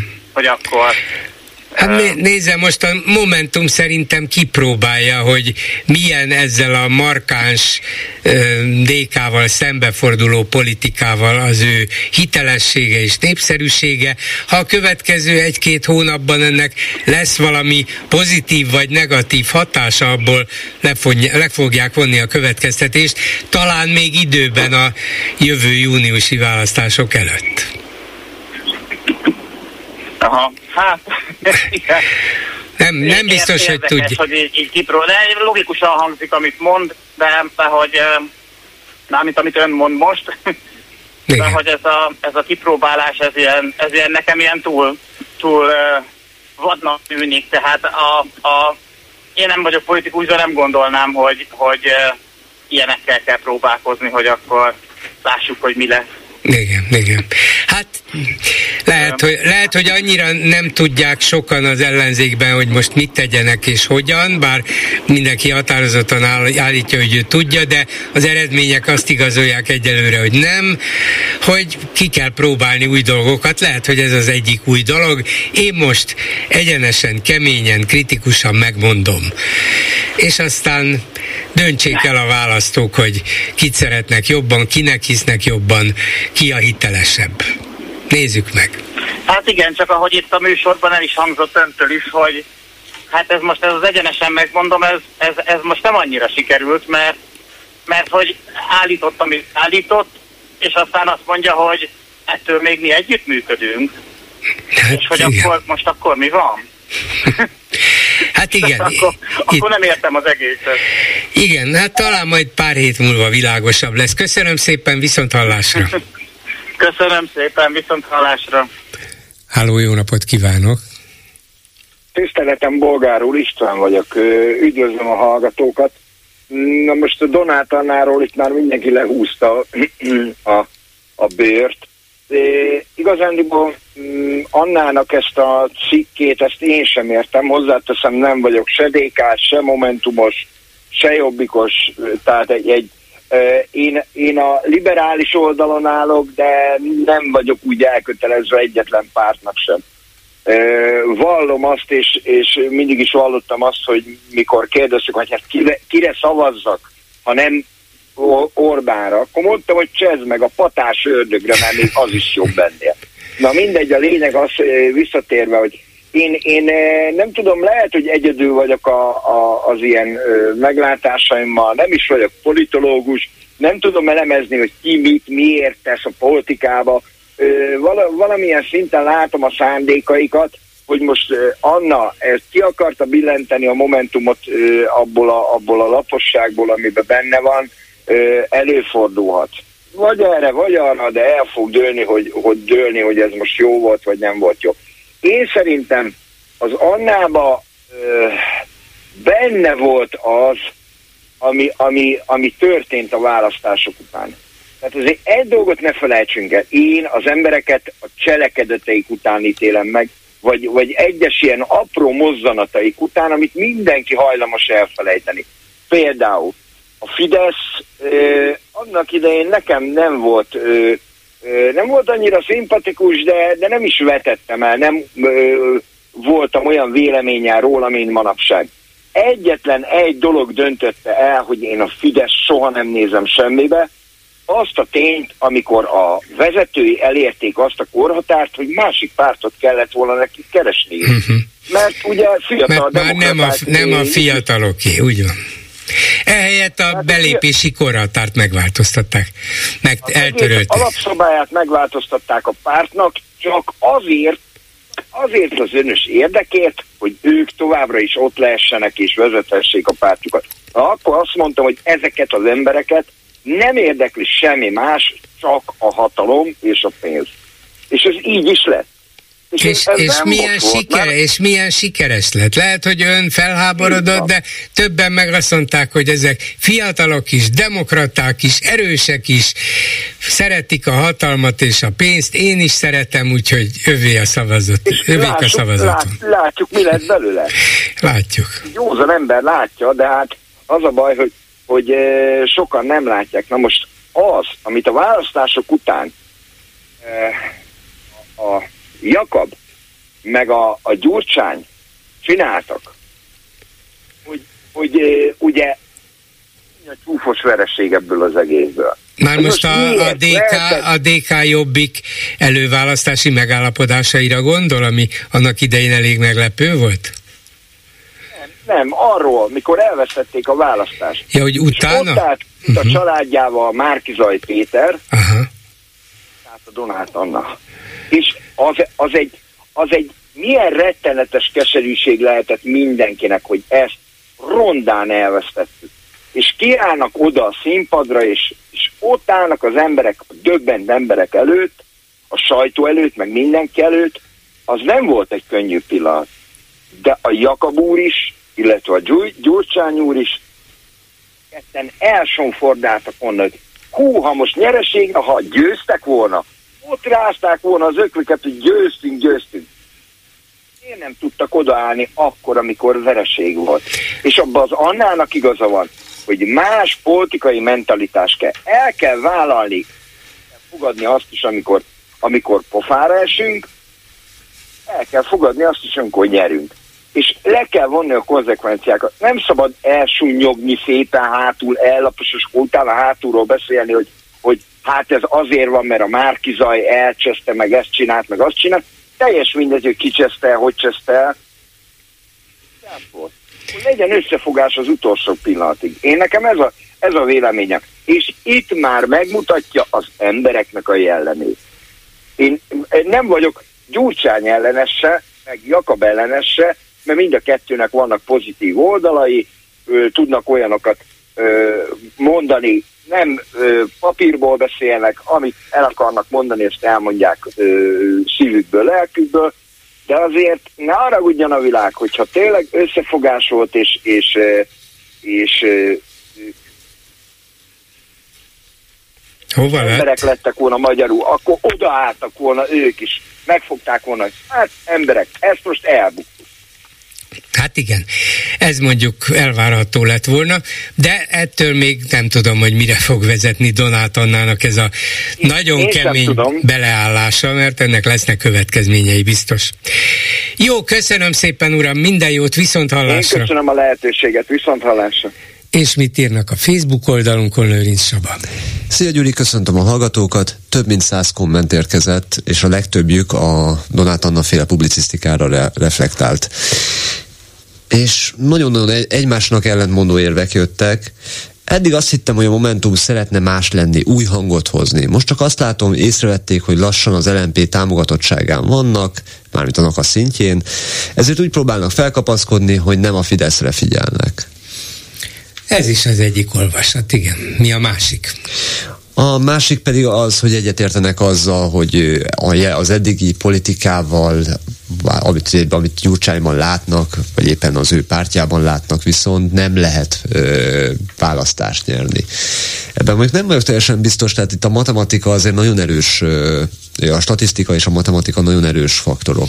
És összefogás vagy nem összefogás kérdésében mit mondanak? Na ez, ezzel voltam nagyon nagy bajban, mert a legtöbb dolog, volt néhány gondolat, ami azt mondja, hogy meg kell nézni, hogy hogyan működik külön-külön, de hát azt már láttuk korábban választásokon, hogy hogyan működik külön-külön az ellenzéki pártok sora. És sokan próbálták azt felvetni, hogy mi lenne, ha mégis, hogyan fogunk akkor így összefogni, ha folyamatosan egymás torkának akar, ö, ugrunk. Hát, kényszeredetten mondjuk így. Van egy ilyen kérdés. Ha Orbánnak nem sikerült kicsinálni Gyurcsányt, miből gondolja Donát, hogy neki sikerülni fog? Ez is egy jogos felvetés. Hát igen, persze ez is, de egyrészt a világ változik, Gyurcsány is volt már rosszabb helyzetben, mint amilyenben most van, de az is lehet, hogy a Momentum is tud fölfelé menni. Nem, mindenki szerintem keresi azt az utat, ami egy kicsit kimozdítja a mostani állóvízből az ellenzéket. Hát ez a mostani belső feszültség, vagy belső robbanás, ez valamilyen eredménnyel járni fog, hogy kinek lesz jó, kinek lesz rossz, ezt még nem tudjuk, de valamilyen hatása szerintem lesz. Még egy utolsó olvasatát érdekes olvasatát láttam a kommentek között ennek az esetnek. Én ugyan nem fogom kommentálni a műsor első fél órájában elhangzott monológot, kommentálja virágelvtárs. Ahol nem vagyunk mi, ott az ellenség. A magyi magyar politikai életben nincs olyan történés, amire a tanúban ne lehetne egy pontosan illő idézetet találni, így a kommentelő. Ezért fontos a művészet. Ugye? Egy volna a komment szekció. Köszönöm szépen, hát az utolsó betelefonálóra már sajnos nincs időnk, de majd szólok kolléganőimnek, hogy, hogy beszéljenek a vonalban lévő hallgatóval, hát ha holnap el tudja mondani, amit szeretett volna. Én köszönöm Önöknek a figyelmet, mert ha megbeszéljük mai műsora, ezzel véget ért. Készítésében közreműködött Zsidai Péter, Lőrinc Csaba, Erdei Tünde, Simon Erika és Horváth Ádám. Bolgár Györgyöt hallották, viszont hallásra holnap, most pedig jön az Esti Gyors. Esti Gyors, a hírek háttere. Jó estét kívánok, Szénási Sándor vagyok. Egy hír és a hátterem. Milák Kristóf olimpiai és világbajnok úszó, akik sokak számára váratlanul sikerei teljében kihagyta a Fukókai VB-t és a Budapesti világkupát, támadások keresztüzébe került. Többek között az úszó szövetség elnöke is megszólalt, aki szerint Milák tartozik annyival az országnak, hogy elvégzi azt a munkát, amivel Párizsban 2024-ben megvédheti olimpiai bajnoki címét mert hogy Milák egy ideje nem jár edzeni, és amikor jár, abban sincs köszönet, mondja az edzője. Vladár úgy véli, az úszó útkeresésben van, mások kiégésre gyanakodnak, de hát ez mindegy is. A kritikusok szerint a nemzet joggal követeli meg a szolgálatot egy ekkora tehetségtől. A szolgálat célja természetesen a nemzet hírnevének emelése. Egy nemzet a maga teljességében nyilván nem úszik a világversenyeken, nem rúg gólt, nem hajít gerejt és nem vet súlykot, vagyis eh, sportügyben nem lenne joga glóriát követelni magának, viszont a mondott entitás azt állítja, hogy a dicsfényteremtést üzleti alapon már régen outsourcingolta, vagyis kiszervezte külső feleknek, egy Vladárnak, Egerszeginek, Miláknak, Hosszú Katinkának, és ebben a nációnak meg kell hagyni, igaza is van. Nézzük például Katinkát, aki Vladár elnök kijelentését felháborítónak és primitívnek tartja. Úgy véli Milák nem tartozik Magyarországnak, a sportvezetés pedig hálás lehet neki az eddigi sikerekért. Vegyük csak a 2019-es évet, amikor hosszú 48 milliót kapott felkészülésre, mellette Milák 36, Rasovszki Kristóf 26, Kapás Boglárka pedig 20 millió forintot. A Katinkáról szóló film 560 milliós támogatásra tett szert, ma sem tudni miért ilyen sokra. És a filmnek maga a főszereplő volt, az executive producere, gondolom az elfogulatlanság érdekében. Minden esetre ő maga mondta el, hogy volt egy igen-nem listája arról, hogy mit kíván magáról viszont látni a filmben, és mit nem. Egyébként ő is, meg az edzőférje is folyamatosan kiemelt juttatásokat kapott. Az eljárás annak tisztázására, hogy amikor az állami Duna arénát szerződés nélkül használta, az bűncselekménye, három éve húzódik. Szó volt arról is, hogy tervezett úszóakadémiája állami támogatásból jön létre, ám ez a terv elhalt, mint tesz Isten pont akkor, amikor hosszú már nem tudta hozni a korábbi sikereket. Vagyis amikor hosszú közlő, hogy Milák nem tartozik az országnak, hiszen előbbi nem az utóbbi tulajdona, csak félig igaz, mert egyrészt persze Milák Kristóf, Milák Kristóf és senki másé. Viszont Milák Kristóf, mint ahogy hosszú Katinka is, nem magánzóként versenyeztek, hanem közpénzbeli juttatásokból és juttatásokért. Mondhatni állami, vagy inkább rendszer alkalmazottként, hiszen a díjaik a rezsimet is fényezték, nem csak a nemzetet és a saját egyéniségüket. Ezzel pedig tisztában kellett, hogy legyenek. Amikor van áru, van pénz, amikor nincs áru, nincs pénz. Ezért hiába való a leszállóakba került hosszú küzdelme, hogy a neki megígért úszóakadémia kapjon állami segítséget. Ebből azonban az is következik, hogy az úszó addig tartozik szolgálattal, amíg megfizetik, és olyan mértékben, amennyire megfizetik. Ha biznisz, akkor legyen biznisz. Milák viszont, és ebben hosszúnak igaza van, hozta az érmeket, a kormány fizetett, és hálás is lehetett a sikerekért. Ám a jövőt tekintve az úszó nem ígért semmit, és nem tartozik előre semmivel. Ha kilép a mókuskerékből, az az ő joga, senkinek semmi köze hozzá. Lehet, hogy kiégett. Lehet, hogy keresi magát. Lehet, hogy csak szabad akar lenni. Esti gyors, a hírek háttere.